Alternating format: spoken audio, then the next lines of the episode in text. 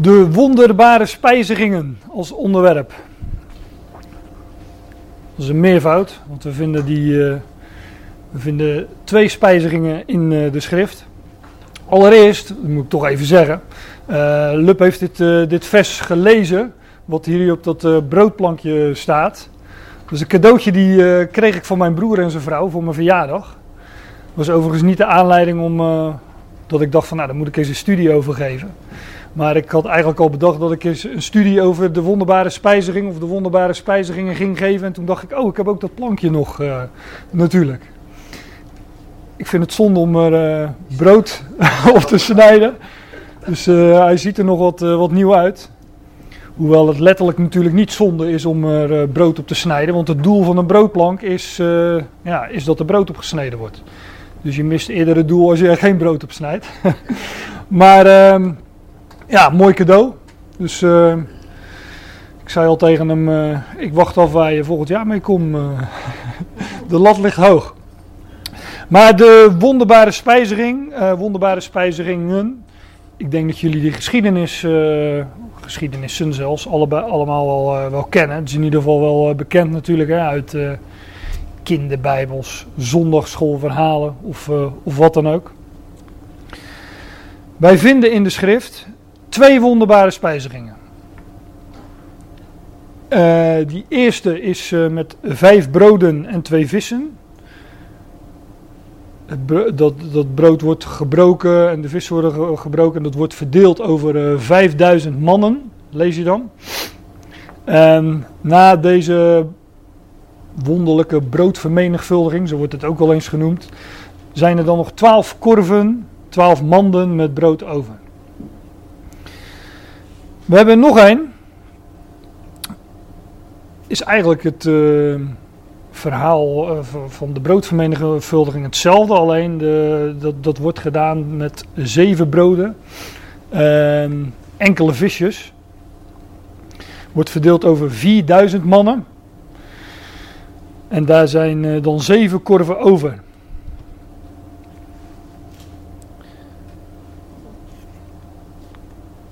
Waar vind je die wonderbare spijzigingen? Waar vind je die uh, verhaald? Die eerste van die vijf broden en twee vissen. Vijf broden en twee visjes nam een kleine jongen mee, uh, leerde ik vroeger. Uh, dat zal ook wel op de zondagschool geweest zijn. Uh, die vind je in Matthäus 14, Marcus 6, Lucas 9 en Johannes 6. En dat is dus in alle vier de evangeliën. En ik hou een kleine slag om de arm, maar volgens mij is dat uniek. Volgens mij is dit de enige geschiedenis die je in alle vier de evangeliën vindt. Dus dat moet ons ook wel uh, op het spoor zetten dat het een belangrijke geschiedenis is die ja, belangrijke waarheden uh, illustreert. Anders, wordt hij niet, anders wordt hij niet in alle evangeliën verhaald en wordt er niet zoveel nadruk op gelegd. Die andere vinden we in uh, Matthäus 15 en Marcus 8.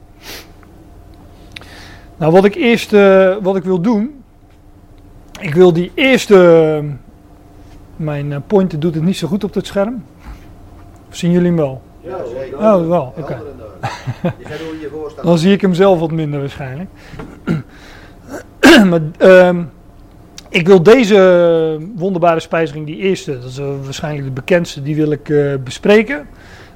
en daarna ook nog ehm, deze kort. Maar als we de de lijn eenmaal te pakken hebben van de eerste, dan uh, is de tweede ook niet zo, uh, zo, zo, ingewikkeld meer.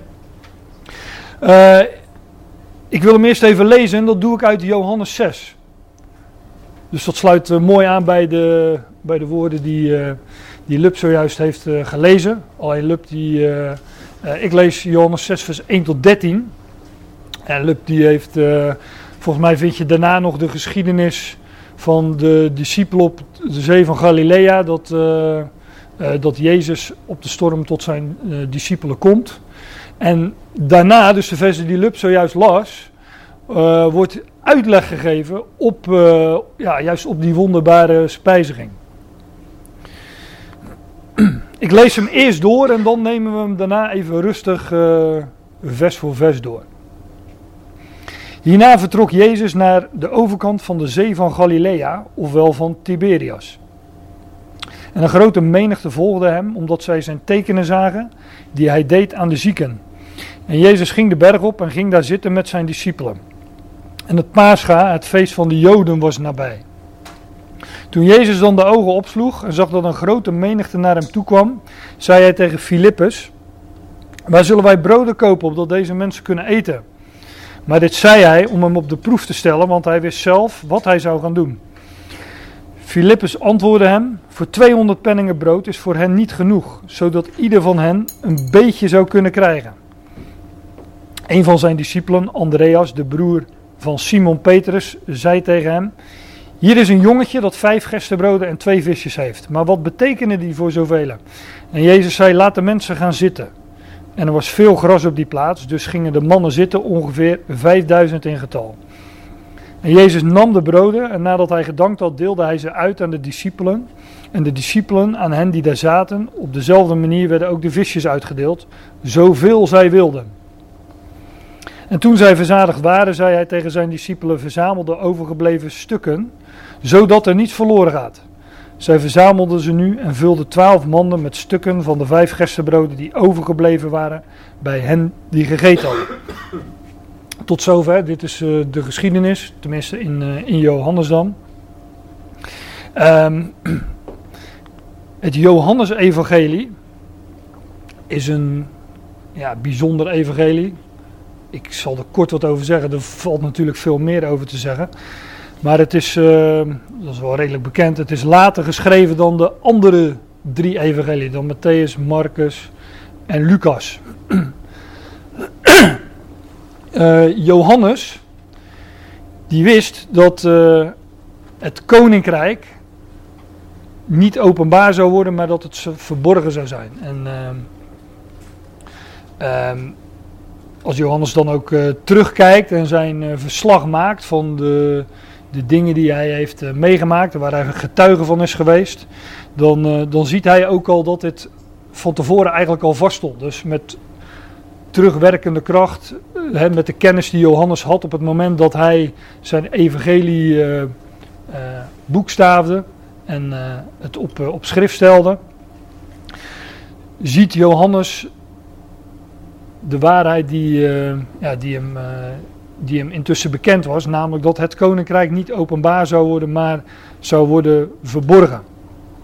Ik geef daar twee voorbeelden van uit Johannes en dat doe ik uit het voorgaande, dus de eerste hoofdstukken. De bruiloft te Cana is een uitbeelding van de bruiloft, het, het, het huwelijksverbond dat in de toekomst, het nieuwe verbond dat in de toekomst zal worden gesloten met Israël. Tussen God, de man, en Israël, de vrouw. En die bruiloft te Cana, dat staat er uitdrukkelijk bij, die vond plaats op de derde dag.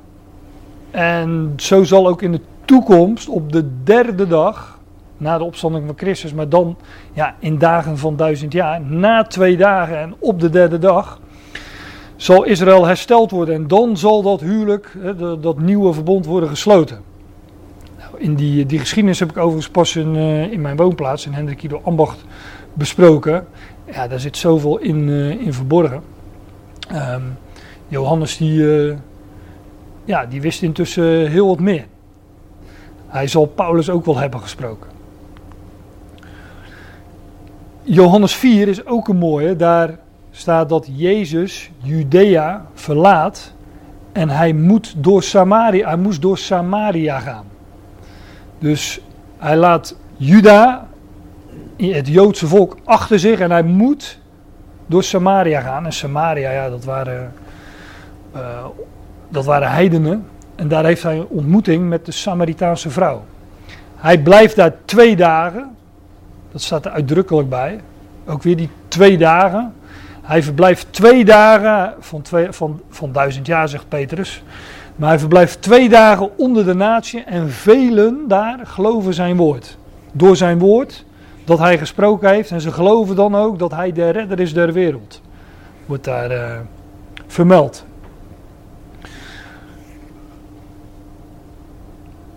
Nou, dat gezegd hebbende, ga ik naar die uh, geschiedenis van de wonderbare spijziging in Johannes 6. en ook die dingen spreken van onze, onze huidige tijd. Johannes 6, vers 1. Hebben we zojuist gelezen. Hierna vertrok Jezus naar de overkant van de zee van Galilea, ofwel van Tiberias. Ja, hoezo hierna? Dan zou je het voorgaande hoofdstuk moeten lezen. Daar uh, gaat het over de genezing van de lammen te Bethesda, die daar 38 jaar had gelegen. Ook een hele typologische geschiedenis. Maar Jezus geneest die lammen. Uh, hij zegt tegen die lammen, ja, neem je bed op en wandel. En dat doet hij. En vervolgens gaan, er, uh, gaan de Joden aan hem vragen, wat, het is op een Sabbat gebeurt dat. En vervolgens gaan de Joden aan hem vragen, waarom loop jij daar met je, uh, matje zal het wel geweest zijn, geen tweepersoonsbed. Wa waarom loop jij daar met je, met je matje? Dat mag niet op Sabbat. Maar die man zegt, ja, uh, degene die tegen me gezegd heeft, neem je bed op en wandel, die zei dat ik uh, dat bed op moest nemen. Dus ja, wie is dat dan, zeggen ze. Ja, dat, wist hij op dat moment ook niet. En dan lees je dat Jezus later die lammen, die niet meer lam was, maar dat hij hem vindt in de tempel. En dat hij dan weet van, het is Jezus die mij uh, genezen heeft. En vervolgens heeft hij vertelt hij dat tegen de Joden en dan staat er vanaf dat moment zochten zij hem te doden. Dus na die, nadat men hem zocht te doden, na de afwijzing. En Johannes 5 is ook een lang hoofdstuk, hè, ook wel een bekend hoofdstuk denk ik. Daar staat ook onder andere die frase in van onderzoek de schriften, want die zijn het die van mij getuigen. Bekend vers, hoop ik. Maar daarna, na die afwijzing en nadat zij hem zochten te doden, daarna vertrok Jezus van Jeruzalem naar Galilea, naar de overkant van de zee van Galilea. Dus nadat hij in Jeruzalem werd afgewezen. Deze geschiedenis die spreekt in beeld van wat er zou gebeuren nadat de Heer was afgewezen door het Joodse volk. Hierna vertrok Jezus naar de overkant van de zee van Galilea. En Galilea wordt in de schrift genoemd Galilea der heidenen. In nou, in Jezaja en in uh, Matthäus. Dus hij vertrok naar de zee van Galilea. En ook de zee spreekt van de volkeren, van de natie. Waarom woede de natie? Het woede van de, van de natie wordt uh, voorgesteld als het woede van de zee.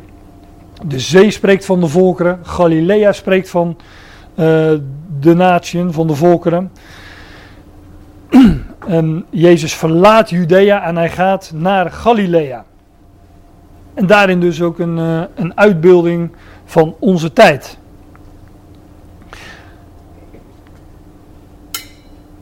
Die, uh, die zee van Galilea, die heeft nogal wat namen. Er staat, er staat er nog eentje achter, daar kom ik zo nog op. Maar die zee van uh, Galilea, dat is, nou, dat is deze zee hè, vanaf vanuit de lucht genomen, zeg maar. En het heet de Zee van Galilea, het heet het Meer van Tiberius, um, maar ook het Meer van Genezeret. En in het Hebreeuws is dat het meer, de zee van Kinneret. En Kinoor in het Hebreeuws is de harp. En uh, die zee heeft ook wel, uh, ik kan beter gewoon aanwijzen, die zee heeft ook wel de, de vorm van een harp.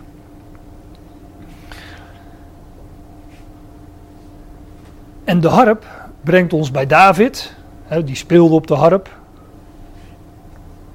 Maar die schreef ook uh, bijvoorbeeld psalmen.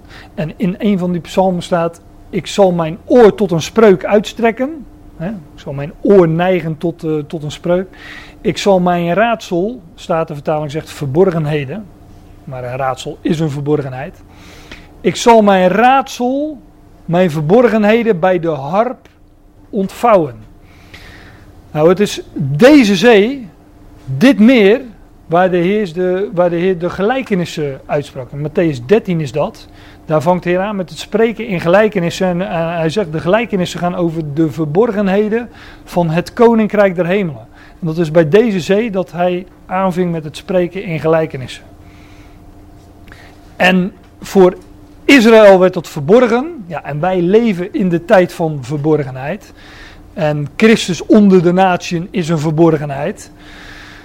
Dus alles in dit ene zinnetje, in die eerste zin van Johannes 6, ja, alles spreekt van hoe het, het heil, hoe Christus van Judea naar de natie ging, naar de zee, naar de, de, de einden der aarde.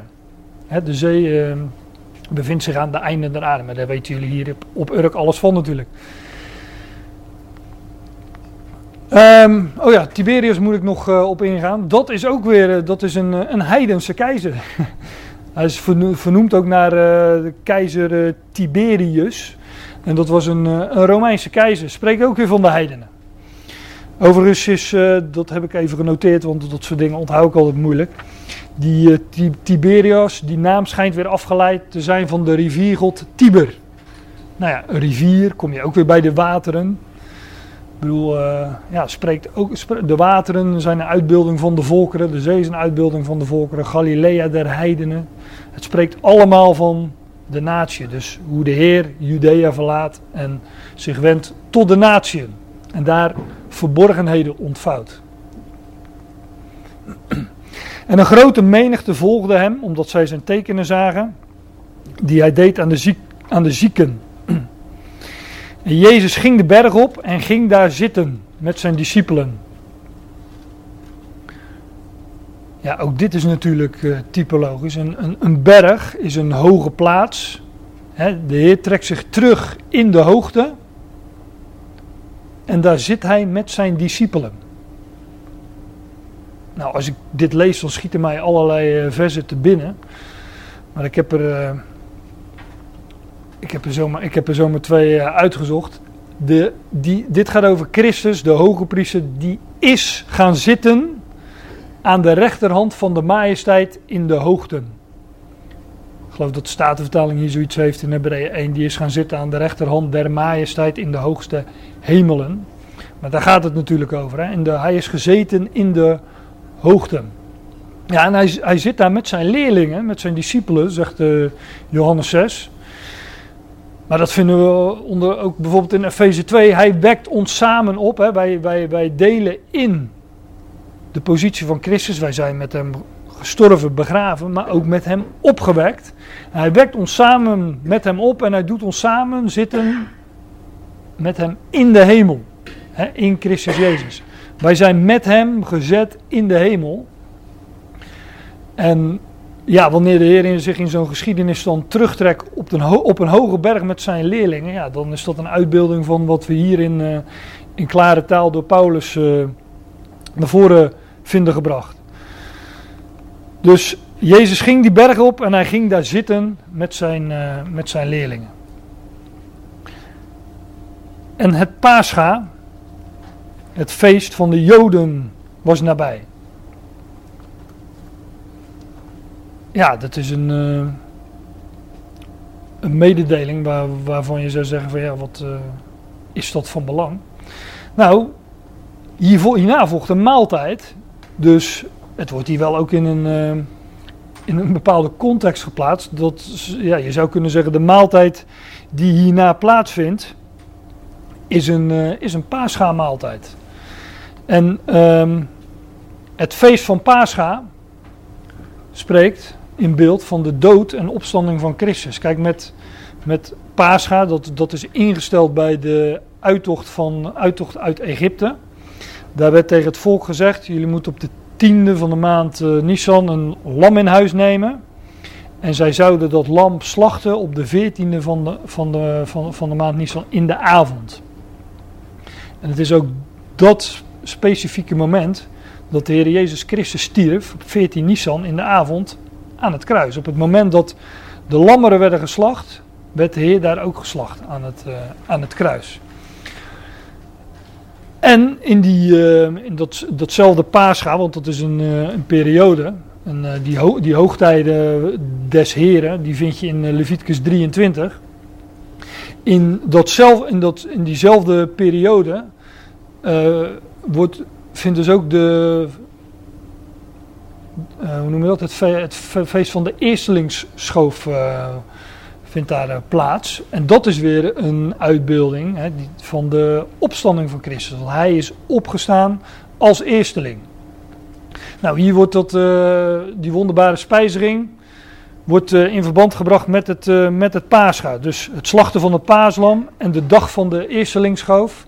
Ja, die, be, die zijn onderdeel van dat, uh, van dat paascha. Dus in beeld spreekt het ook van, uh, ja, de, wat, wat de, uh, het heeft te maken met de dood en opstanding van, van de Heer Jezus Christus. En wij zijn met hem gestorven, begraven en opgewekt en zelfs gezet in de hemel. Het paascha, het feest van de Joden, was nabij. Toen Jezus dan de ogen opsloeg en zag dat een grote menigte naar hem toe kwam, zei hij tegen Filippus: Waar zullen wij broden kopen, opdat deze mensen kunnen eten?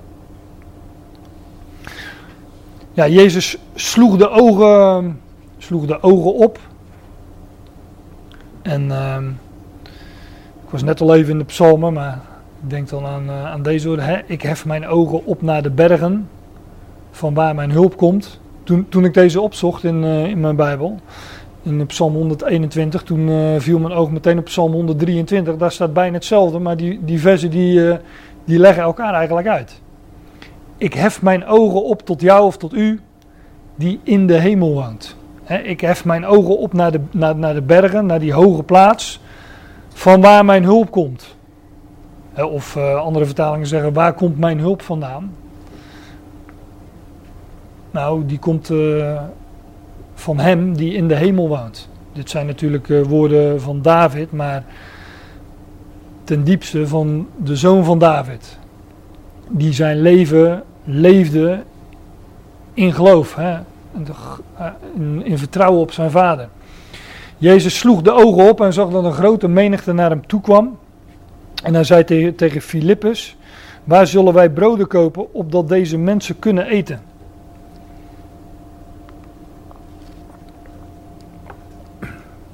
Ja, Filippus, dat. Uh, weet jullie wat dat betekent, Filippus? Dat hij houdt van paarden. Hè? Philo is, uh, is, is liefde. Uh, en uh, hippiek is, is, dat is ook paardensport, geloof ik, hè? Hippiek. Hm? Concours Ja, een koers hippiek. maar hij was een liefhebber van paarden.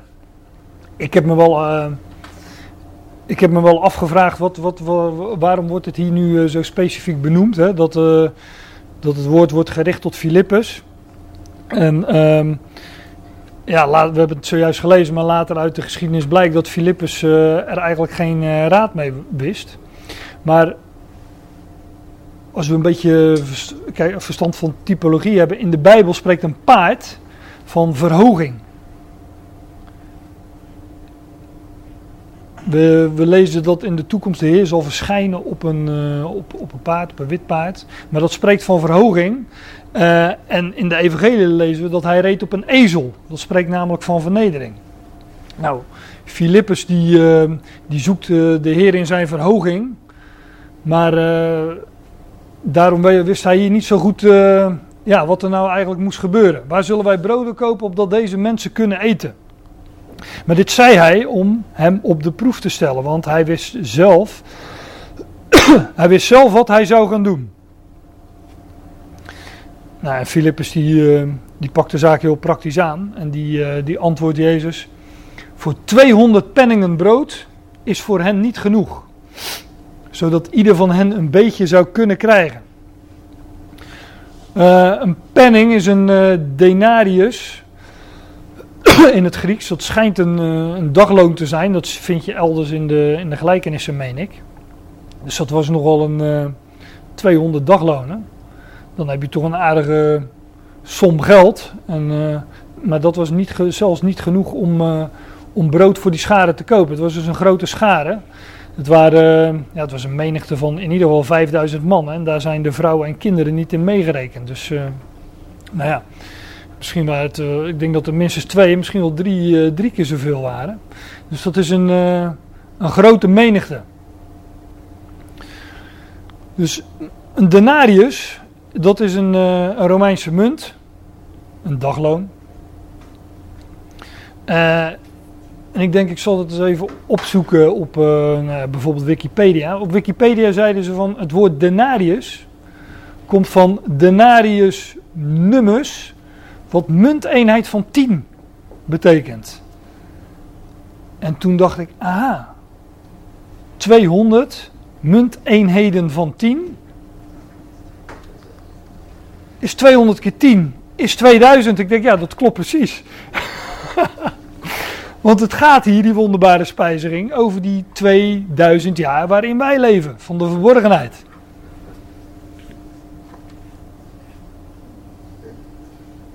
Een beeld van de 2000 jaar van verborgenheid waarin wij leven. En we vinden nogal wat verwijzingen na die 2000 of twee dagen van 1000 jaar.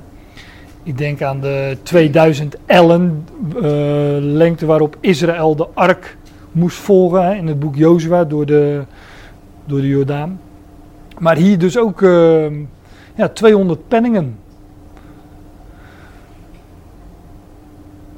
Filippus antwoordde hem: Voor 200 penningen brood is voor hen niet genoeg, opdat ieder van hen een beetje zou kunnen krijgen. Dus ook weer een verwijzing naar, uh, ja, naar onze tijd. Een van zijn discipelen, Andreas, de broer van Simon Petrus, zei tegen hem: en dan komt het jongetje met vijf broden en, uh, en twee visjes. Maar Andreas. Ja, ik sta hier als uh, stand-in voor een uh, Andreas. André. ben zijn vervanger vandaag. Maar weten jullie wat, wat het betekent? Ik denk dat hij het zelf wel weet. Andreas betekent mannelijk. Andreas betekent mannelijk en ik heb er een, uh, een verwijzing bij gezet naar uh, Efeze 4. Daar heb ik geen dia van, maar daar staat. Totdat, het gaat om de opbouw in vers, Efeze 4, vers 12, de opbouw van het lichaam van Christus. En dan staat er, totdat wij alle zullen komen tot de eenheid van het geloof en van de kennis van de Zoon van God tot een volkomen man. Tot een volkomen man, tot de mate van de grootte der volheid van Christus. Nou, dat, dat is een hele mond vol. Maar in ieder geval gaat het in Efeze 4 ook over mannelijk. Hè. De gemeente wordt daar voorgesteld als mannelijk. Nou, hier vind je twee mannen, Filippus en, uh, en Andreas. Uh, ik bedoel, Andreas en zijn, uh, zijn broer Simon Petrus. Die, uh, een broer is een mede-erfgename, die, dus die als mede-erfgename een uitbeelding zijn van, ja, van, de, van de gemeente, van de Ecclesia. Want Petrus, Simon Petrus, Simon betekent horende. Simon is de horende. Simon, Simeon, betekent allemaal horende. En dat is, dat sowieso al een beeld van een, uh, een gelovige. Hè? Iemand die gehoor geeft aan. Gehoorzaam is aan het woord. Um, en Petrus, ja, dat betekent uh, de rots. Of de rotssteen. Nou, de, ja, de, de, de rots. Over, die, over een rots, daar zouden we nou, daar zouden we makkelijk een, uh, een weekbijbelstudie over kunnen hebben. Wat, wat, wat er allemaal wordt gezegd over rots in de schrift. Hè? Maar uh, Paulus zegt in 1 Korinthe 10, de rots is Christus. En elke rots in de, in de, in de schrift, toevallig kwam ik er vanmorgen ook op in, uh, gaf ik bijbelstudie in mijn eigen woonplaats. Of het nou die grote rots is uit Daniel die de berg afrolde en heel de aarde vulde. Of dat kleine steentje van David die die reus velde. Het is altijd een beeld van Christus, de, de rots, de steen. En ja, wij, hebben, wij zijn in Christus, wij hebben deel aan Christus. Uh, dus uh, ja, de gemeente is, wij zijn leden van zijn lichaam. Nou, Andreas en Simon zijn hier een, uh, een uitbeelding van, van, van, ook weer van de gemeente. Samen dus een beeld van de Ecclesia, mannelijk, horend en staand op de rots. Ja, voelen jullie je aangesproken? Mooi toch? Als dat voor je gezegd wordt. Nou, die, uh, die zegt dus tegen hem, zijn, uh, een van zijn discipelen Andreas, die zegt tegen, zei tegen hem, hier is een jongetje dat vijf gerstebroden en twee visjes heeft. Maar wat betekenen die voor zoveel? Nou, dat, uh, dat gaan we zien wat dat betekent voor zoveel. Dat hadden ze kunnen weten natuurlijk, zeg, zeg ik achteraf. maar de vijf, ja, ook, nou, ik noemde net al die, dat vijfde steentje hè, van, uh, van David waarmee hij Goliath versloeg.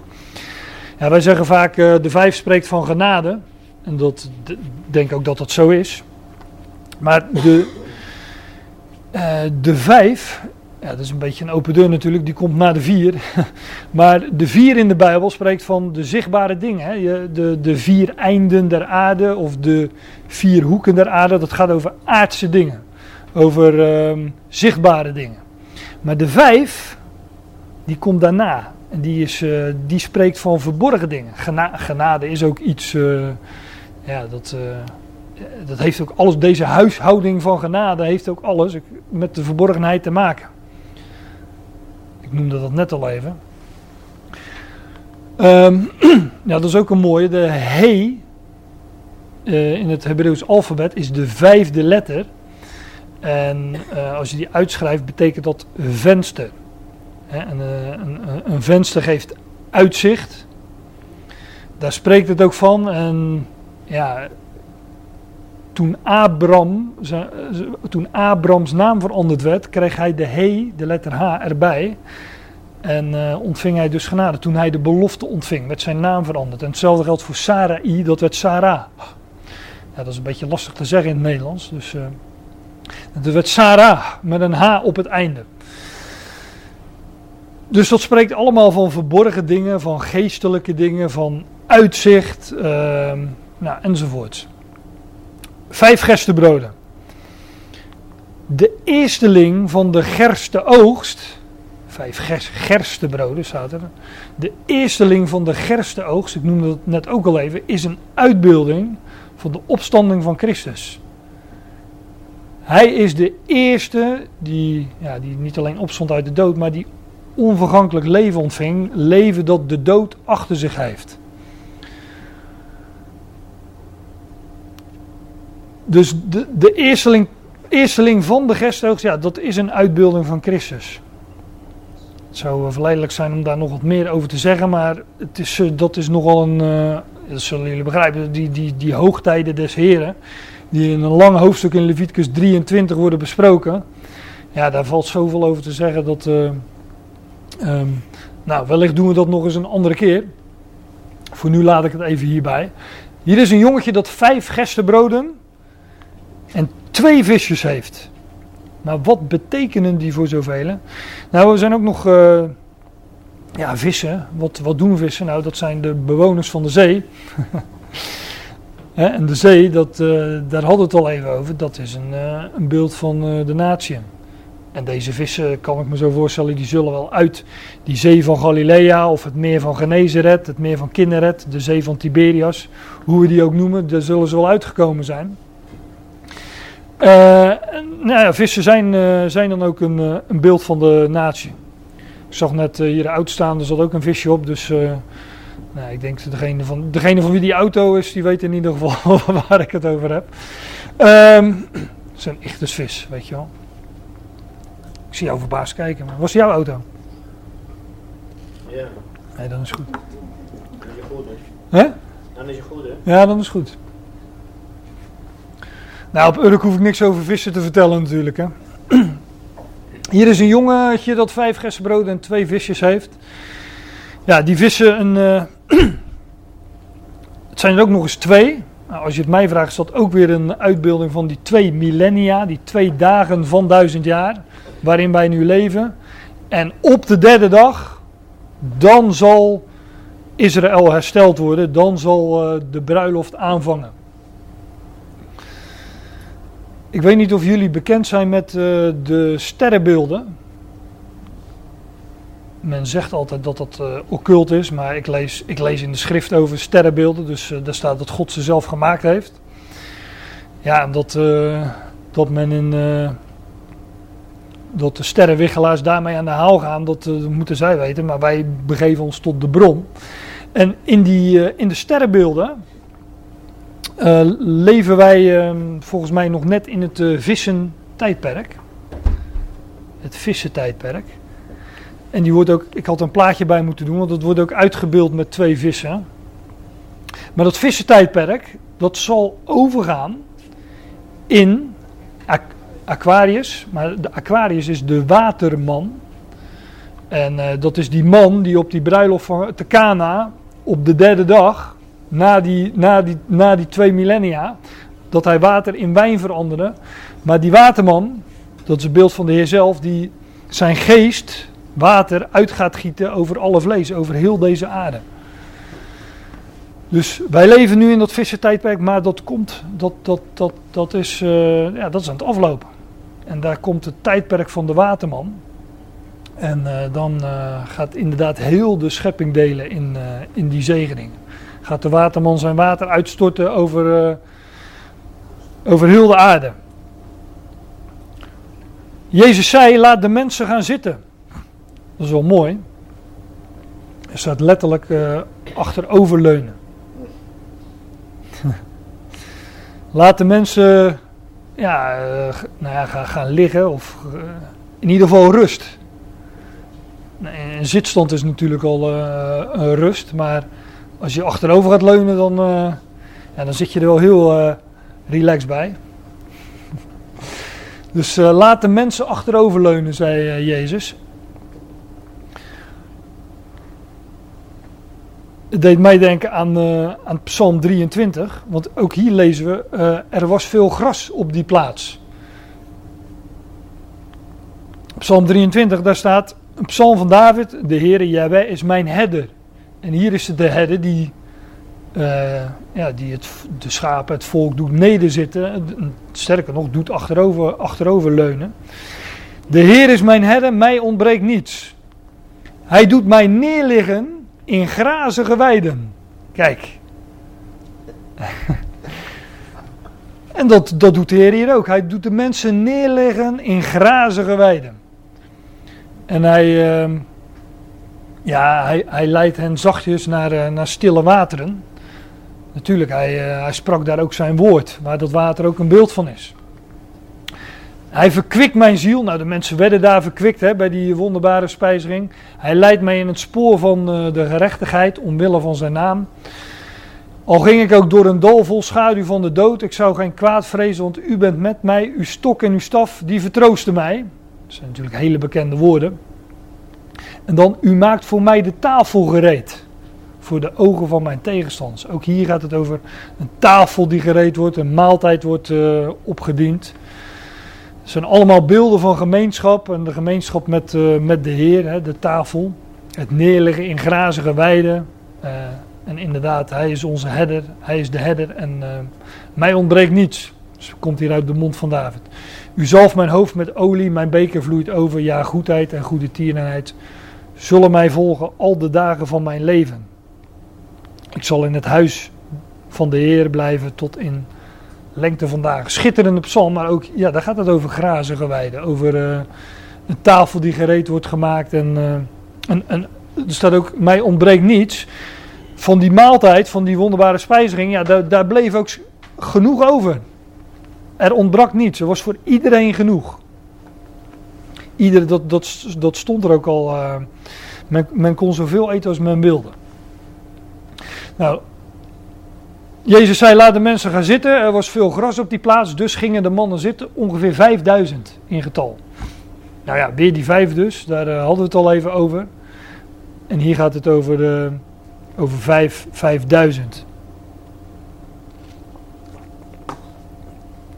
En als uitbeelding van, uh, ja, van de verborgen dingen. Duizend spreekt overigens, maar dan gaan we wel heel zitten wel heel uh, erg in de getallen. De, de duizend jaar bijvoorbeeld, hè, dat kennen wij als de openbaring van het koninkrijk. Nou, hier gaat het over 5000. Vijf keer duizend, het verborgen koninkrijk. Er valt natuurlijk veel meer over te zeggen, maar dan zou je een, uh, een concordantie moeten pakken, die getallen opzoeken en kijken waar dat nog meer voorkomt. Dat zijn interessante studies. Dat doen we nu niet. Overigens lees je nog, maar daar heb ik geen dia van, dat schiet me nu te binnen. Je leest, op, eh, je leest ook nog dat, de, dat ze neergezet werden in groepjes van 50. In waterschappen, wat vijf. Hm? In waterschappen Ja, waardschappen, staat dat in de Statenvertaling? Ja? van 50. In groepen, ja, ze werden neergezet in waardschappen, in, eh, in groepen van, eh, van 50. Ook weer die vijf.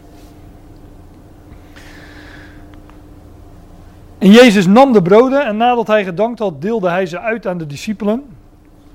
En de discipelen aan hen die daar zaten. Op dezelfde manier werd ook, werden ook de visjes uitgedeeld. Hier, kijk, hier staat hè. Zoveel zij wilden. Kijk, daar was leven en overvloed. Dus niet, eh, er hoefde niet karig gedaan te worden, moest niet eh, alles bij elkaar geschrapen worden. Nee, de Heer, de, deelde dat brood. En eh, ja, hoe dat, hoe dat wonder plaatsvond, dat, eh, ja, dat, eh, daar kunnen we alleen maar over filosoferen, dat staat er niet bij. Maar hij brak het en het, het vermenigvuldigde. En ehm, ja, aan, aan, aan, en de discipelen verdeelden het onder die mensen, die eh, nou, in ieder geval meer dan 5000. Hè. En ook die visjes. En het, is, het wa- was overvloed. Het was zoveel zij wilden. Toen zij verzadigd waren, ook weer een uitbeelding van genoeg, van overvloed. Toen zij verzadigd waren, zei hij tegen zijn discipelen: Verzamel de overgebleven stukken, zodat er niets verloren gaat. Mooi hè? Dit, dit is dit ook ik zei al, deze wonderbare spijziging is een uitbeelding van onze tijd. En ik, haal, ik refereerde net al even ook in het begin aan de geschiedenis van de Samaritaanse vrouw. Waarin staat, waarin de Heer twee dagen door Samaria gaat. Eh, en hier spijzigt de Heer de 5000, ook als uitbeelding van onze tijd. In de, bij de Samaritaanse vrouw komen, komt het eh, nou, bij, vrijwel het hele dorp tot geloof, als ik dat zo lees. En ze erkennen hem als redder der wereld. En hier wordt het overgebleven eh, brood verzameld, zodat er niets verloren gaat. Want er, er zal ook niemand verloren gaan, maar dat is juist wat in deze tijd door de apostel Paulus wordt bekendgemaakt. De verzoening der wereld en eh, dat hij is de redder der wereld. Zij verzamelden ze nu en vulden twaalf manden met stukken van de vijf gestenbroden die overgebleven waren bij hen die gegeten hadden. Kijk, ik heb, eh, de, ik heb een interlineair afgedrukt om. eh, hoe, hoe je, je ziet ook hoe de, hoe de nadruk wordt gelegd op. Hè, het was bordevol. Draagmanden van brokstukken vanuit de twaalf eh, van de gest. Overvloedig. Dus het, ja, er was genoeg, er was overvloed. En ze verzamelden ze nu, de twaalf, ze verzamelden, zij verzamelden ze nu. En vulden twaalf manden met stukken van, van de vijf gerstenbrood. Dus uit de vijf werden er nog twaalf manden gevuld. Dus nadat de 5000 zijn gevoed, wordt de overvloed van de vijf, van de genade, die overvloed van genade, wordt verdeeld over de twaalf. Ja, manden. Maar het is natuurlijk een uitbeelding van hoe na deze huishouding, deze, deze huishouding van genade, deze huishouding van de verborgenheid, hoe na deze huishouding de twaalf, namelijk Israël, het leven zullen ontvangen. Daar spreken die twaalf mannen van. De vijfduizend, ja, dat, is, eh, dat spreekt van onze tijd, hoe, eh, ehm, de verborgenheid waarin wij leven. Maar die, eh, er, zijn, zullen twaalf, er zijn twaalf mannen over en dat is een uitbeelding van ja, hoe, in, ehm, hoe hierna, hè, op de derde dag, hoe hierna, na deze huishouding van genade, Israël het leven zal ontvangen. Zij verzamelden ze nu en vulden twaalf ma- manden met stukken van de vijf gerstenbroden die overgebleven waren bij hen die gegeten hadden. Ja, en dat is dan ehm, vers 13. Die eerste wonderbare spijziging. En ehm,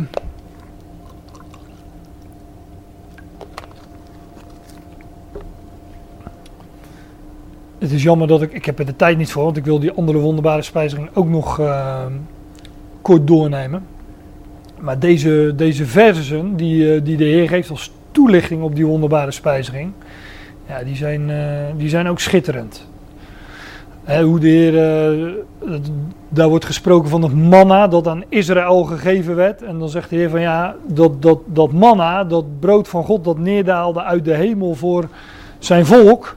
Dat is een beeld van, eh, van hij die neerdaalt uit de hemel en het leven geeft aan de wereld. Dus Israël kreeg leven door het manna.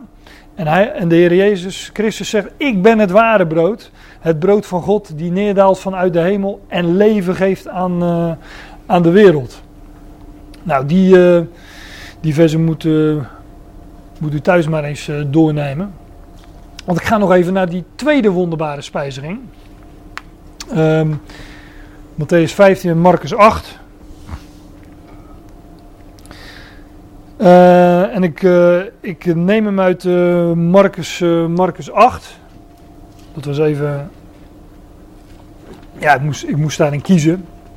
Er zitten wat, wat verschillen in, maar ik, daar ga ik sowieso nog wel even op in. Uit in ieder geval één of twee van die versen uit, wat was het, Matthäus 15. In die dagen, ook weer zo'n tijdsbepaling. In die dagen toen er een heel grote menigte bijeen was en zij niets te eten hadden, riep Jezus zijn discipelen bij zich en zei tegen hen: Ja, dit, dit, in die dagen. Ja, dan moet je het voorgaande lezen in Marcus, eh, in Marcus 7 en ehm, dan is in, in, eh, Matthä- in Matthäus 15. Maar nadat Jezus, in die dagen is nadat Jezus in het buitenland was geweest. In Marcus 7 en Matthäus 15. Namelijk na de genezing van de Canaanese, of eh, dat staat in de. Dat staat in het ene evangelie, in de andere evangelie heet zij een Syro-Fenicische vrouw, wat het ook wezen mag. Maar het is in ieder geval in het buitenland. Want de Heer gaat naar, eh, wat is het, Tyrus en Sidon geloof ik. Dus hij vertrekt echt naar het buitenland. Maar nadat hij in het buitenland geweest is, ehm, vindt die tweede wonderbare spijziging plaats. In die dagen namelijk. Na, ja, nadat, die geschiedenis kent u wel, daarom heb ik dit even bijgezet. Nadat hij het brood van de kinderen aan de hondjes had gegeven. Dus de Heer was gezonden tot de verloren schapen van het huis Israël. Maar hij gaat onderwijl naar het buitenland. Hij gaat naar die, en daar ontmoet hij die Canaanese vrouw. Of hij ontmoet daar de Samaritaanse vrouw, want hij moest door Samaria gaan. En daar verbleef hij twee dagen. Hè, allemaal, eh, allemaal Johannes, eh, Johannes evangelie. Nou, nadat hij in het buitenland geweest is, dan spreken we in type dus over de toekomst. Over het einde van het vissentijdperk en het, eh, het begin van het Waterman-tijdperk dan. Nadat de Heer in het buitenland is geweest, nadat hij verbleven is onder de natieën, Christus onder uw natieën. Nou, in die dagen toen er een heel grote menigte bijeen was en zij niets te eten hadden, riep Jezus zijn discipelen bij zich en zei tegen hen, ik ben innerlijk met ontferming bewogen over de menigte, want zij blijven al drie dagen bij mij en hebben niets, eh, niets wat zij kunnen eten. Nou, ik zei net al, de bruiloft de Kana vond plaats op een derde dag. Deze spijziging, deze tweede wonderbare spijziging, vindt ook plaats. Na drie dagen. En het is dan ook een uitbeelding van het herstel van Israël. Van de, vijf, de spijziging van de 5000 is een uitbeelding van onze tijd. En deze tweede wonderbare spijziging is een uitbeelding van hoe in de toekomst Israël eh, alsnog het leven zal ontvangen. Zij blijven al drie dagen bij me en, ze, en hebben niets wat zij kunnen eten. Dus dit wonder vindt plaats na drie dagen. Ja, en natuurlijk eh, eh, doet ons dat denken aan de, aan de profetieën. Zoals bijvoorbeeld Hosea 6. Ik denk dat dat de bekendste is. Daar spreekt Israël. Kom, laten wij terugkeren naar de Heer. Laten wij terugkeren naar Yahweh. Want Hij heeft verscheurd. Hij zal ons genezen. Hij heeft geslagen, maar hij zal ons verbinden. In, in, in andere gedeelten, zoals Ezekiel 37, wordt Israël beschreven als in de dood. En in de toekomst, dat, daar spreekt Ezekiel 37 ook van, zegt de Heer, ik zal jullie uit jullie graven doen wederkeren. uit jullie graven doen opstaan. Nou, hij heeft verscheurd, maar hij zal ons genezen. Hij heeft geslagen, maar hij zal ons ver- ver- verbinden. Wanneer dan? Nou, na twee dagen zal hij ons levend maken. Op de derde dag zal hij ons doen opstaan en zullen wij voor zijn aangezicht leven. Hier gaat het over het herstel van Israël. Ja, en die, wonderbaar, die tweede wonderbare spijziging vindt ook plaats na drie dagen. En spreekt van het herstel van Israël hè, op de derde dag. Ik ben innerlijk met ontferming bewogen over de menigte, want zij blijven al eh, drie dagen bij mij en hebben niets wat ze kunnen eten. Wat Jezus doet, dat lees je niet in Marcus 8, maar wel in Matthäus 15. Hij- Jezus geneest hun zieken. In Matthäus 15 staat. eh, dit is dezelfde geschiedenis dus van de tweede wonderbare spijziging. Alleen niet in Marcus, maar in Matthäus. Er kwam een grote menigte naar hem toe. Zij hadden kreupelen, blinden, mensen die niet konden spreken, stommen dus. Hè? En verlamden bij zich en vele anderen. En ze legden ze voor de voeten van Jezus en hij genas hen. Zodat de menigte zich verwonderde toen zij zagen dat zij die niet, zij die niet hadden kunnen spreken, konden spreken. De verlamden gezond waren, de kreupelen konden lopen en de blinden konden zien. En zij verheerlijkten de God van Israël. Maar dit is iets wat je in de profetieën ook terugvindt hè, over eh, het herstel van Israël. Dan zullen de ogen van de blinden worden opengedaan. De oren van de doven zullen worden geopend. Dan zal de kreupelen springen als een het. De tong van de stomme zal juichen. Ja, als, ik, als ik dit hoofdstuk lees, Jezaja 35. Ik kwam in de verleiding om veel meer uh, versen eruit te halen. Maar dat moet je thuis maar eens nalezen. Natuurlijk geweldig wat, wat, wat daar staat te gebeuren straks met Israël. Hè? Als hun uh, ogen zullen worden opengedaan, als hun oren zullen worden opengedaan. De Heer gaat, ja, de Heer gaat, uh, gaat de ogen van het volk openen. En wat zegt Paulus? Dat zal zijn als, als leven uit de doden, zegt Paulus in, in de Romeinenbrief. Nou, dat wordt in de profetieën al voorzegd. En dat wordt hier dan ook uitgebeeld in die genezingen die de Heer Jezus uh, deed. En bij die tweede wonderbare spijziging, ja, dan verwijst dat ons ook naar het, uh, naar het herstel van Israël. Overigens, in de evangelie vind je natuurlijk heel veel van dit soort wonderen. Doven van wie de oren geopend worden. Um, tot in handelingen toe. Hè. De lammen bij de Schone Poort bijvoorbeeld, die uh, werd opgericht. Ik had het net over de lammen van Bethesda. Het zijn allemaal beelden van het herstel van, uh, van Israël.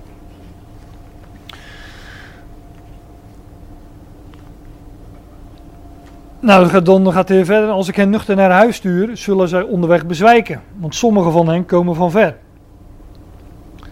En zijn discipelen antwoorden hem. Waar haalt iemand in deze afgelegen plaats zoveel broden vandaan dat hij deze mensen kan verzadigen? En hij vroeg hun: Hoeveel broden hebt u? En zij zeiden: Zeven.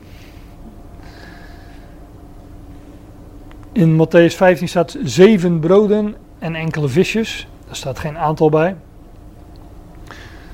Dus dat. Uh, dan zal het wel, uh, dan zal dat, uh, dan moeten we ons even focussen op die zeven. Want waar spreekt de zeven van? We hadden het net al over tweede, of na twee dagen op de derde dag. Maar die derde dag van duizend jaar is ook een zevende dag.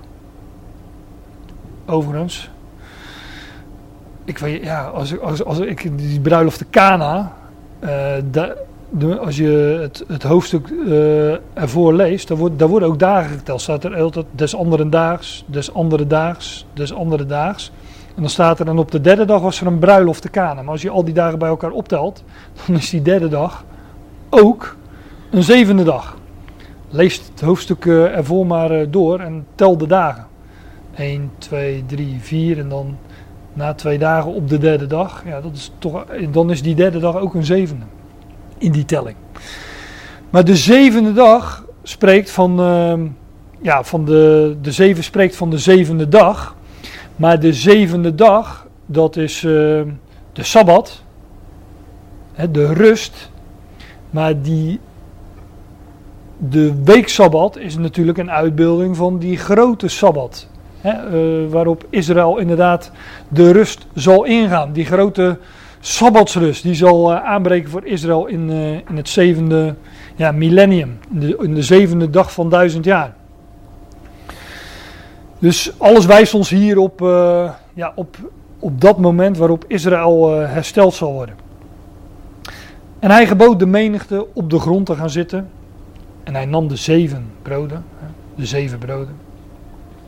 Nadat hij gedankt had, brak hij ze en gaf ze aan zijn discipelen om ze hun voor te zetten. En zij zetten ze de menigte voor. En ze hadden enkele visjes en toen hij ze gezegend had, zei hij dat zij ook die moesten voor, voorzetten. En zij aten en bedden verzadigd. En zij raapten het overschot, ook hier is weer uh, overvloed, een overschot. Zij raapten het overschot van de stukken brood op, zeven manden. Ja, weer die zeven, die vind je hier drie keer. Maar die zeven spreekt van volheid. Het is het getal van de, van de volheid, heb ik altijd geleerd. Uh, maar het spreekt ook van de sabbat, van de zevende dag, van de rust die Israël zal ingaan.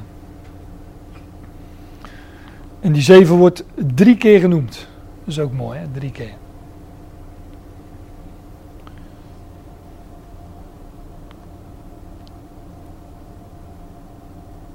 Ja, in, dat is ook nogal uh, in, het, in, het, in het zevende millennium, die zevende dag van duizend jaar, daarin zal eerst Israël hersteld worden. Maar via Israël, kijk het koninkrijk zal over Israël gevestigd worden, maar via Israël over de volkeren, over heel deze aarde. Maar hoeveel volkeren zijn er volgens de schrift? Dat zijn er 70, ook weer die 7. Vergelijk uh, deze geschiedenis in Exodus 15. Daar kwam, kwam Israël aan bij, uh, bij Elim, is dat meen ik? Ja, Elim. En daar waren, daar, staat, daar waren 12 waterbronnen en 70 palmbomen. Een uitbeelding van hoe uh, via Israël de waterbronnen het woord, want water, is, een, uh, is een beeld van het woord, hoe via de twaalf het water, het woord komt tot de 70. Hoe de 70, anders gezegd, andersom beredeneerd, hoe de 70 zullen worden gevoed vanuit de 12. En bij de 5000, bij de spijzering van de 5000 bleven er 12 mannen over. En die staan model voor het woord dat, uh, dat, dat, dat zal, zal komen tot Israël. En hier komt het woord tot Israël en blijven er zeven mannen over. Dus het zal tot volheid worden gebracht en heel deze, uh, deze schepping en alle 70 volkeren zullen, ja, zullen daarin uh, delen. Het waren er ongeveer 4000 die gegeten hadden en hij stuurde hen weg. Ja, ik zei net al, uh, de vier spreekt van de vier hoeken van de vier einden der aarde. Ik heb een paar schriftplaatsen bijgezet. Um, en deze vier spreekt van de aard, aardse zegeningen voor Israël, die, uh, ja, die zij in de toekomst, uh, in de nabije toekomst mag ik wel zeggen, in de, in de toekomst uh, zullen ontvangen. En na die spijziging van die 5000, hè, die, die 5 is verborgen, ja, volgt de spijziging van de, van de 4000. En de 1000 spreekt van het koninkrijk. De 4 spreekt van, uh, van, van aardse zaken. En de, de 5 spreekt van verborgen, van verborgen dingen. Na de verborgenheid komt de openbaring van het koninkrijk.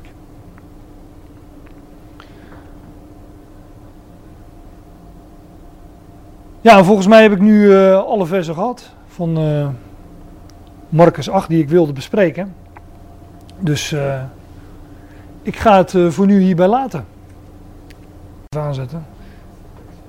Na Jezus' verwerping door de Joden verdwijnt hij naar een. Dat, dit is de eerste wonderbare spijzing. Hè? Nog even ter herinnering, we, we blikken even terug. Na Jezus' verwerping door de Joden verdwijnt hij naar een hoge plaats met zijn leerlingen en geeft daar brood aan 5000. Een type, een uitbeelding van onze tijd. Waar, waarin de Heer gezeten is in een hoge plaats, in de hemel zelf, met zijn leerlingen. Nou, wij zijn zijn leerlingen, wij zijn met Christus gezet in de hemel. En wij uh, ontvangen daar leven en overvloed. Daar is die eerste wonderbare spijziging een beeld van, het type van onze tijd. De twaalf mannen die overblijven is brood voor de twaalf, namelijk voor Israël. De spijziging van de 4000, ja, dat is dan ook een type van Israël. Israël dat het leven ontvangt, aansluitend op die uh, huishouding van genade. En het koninkrijk wordt via Israël, via de twaalf, gevestigd over de volkeren.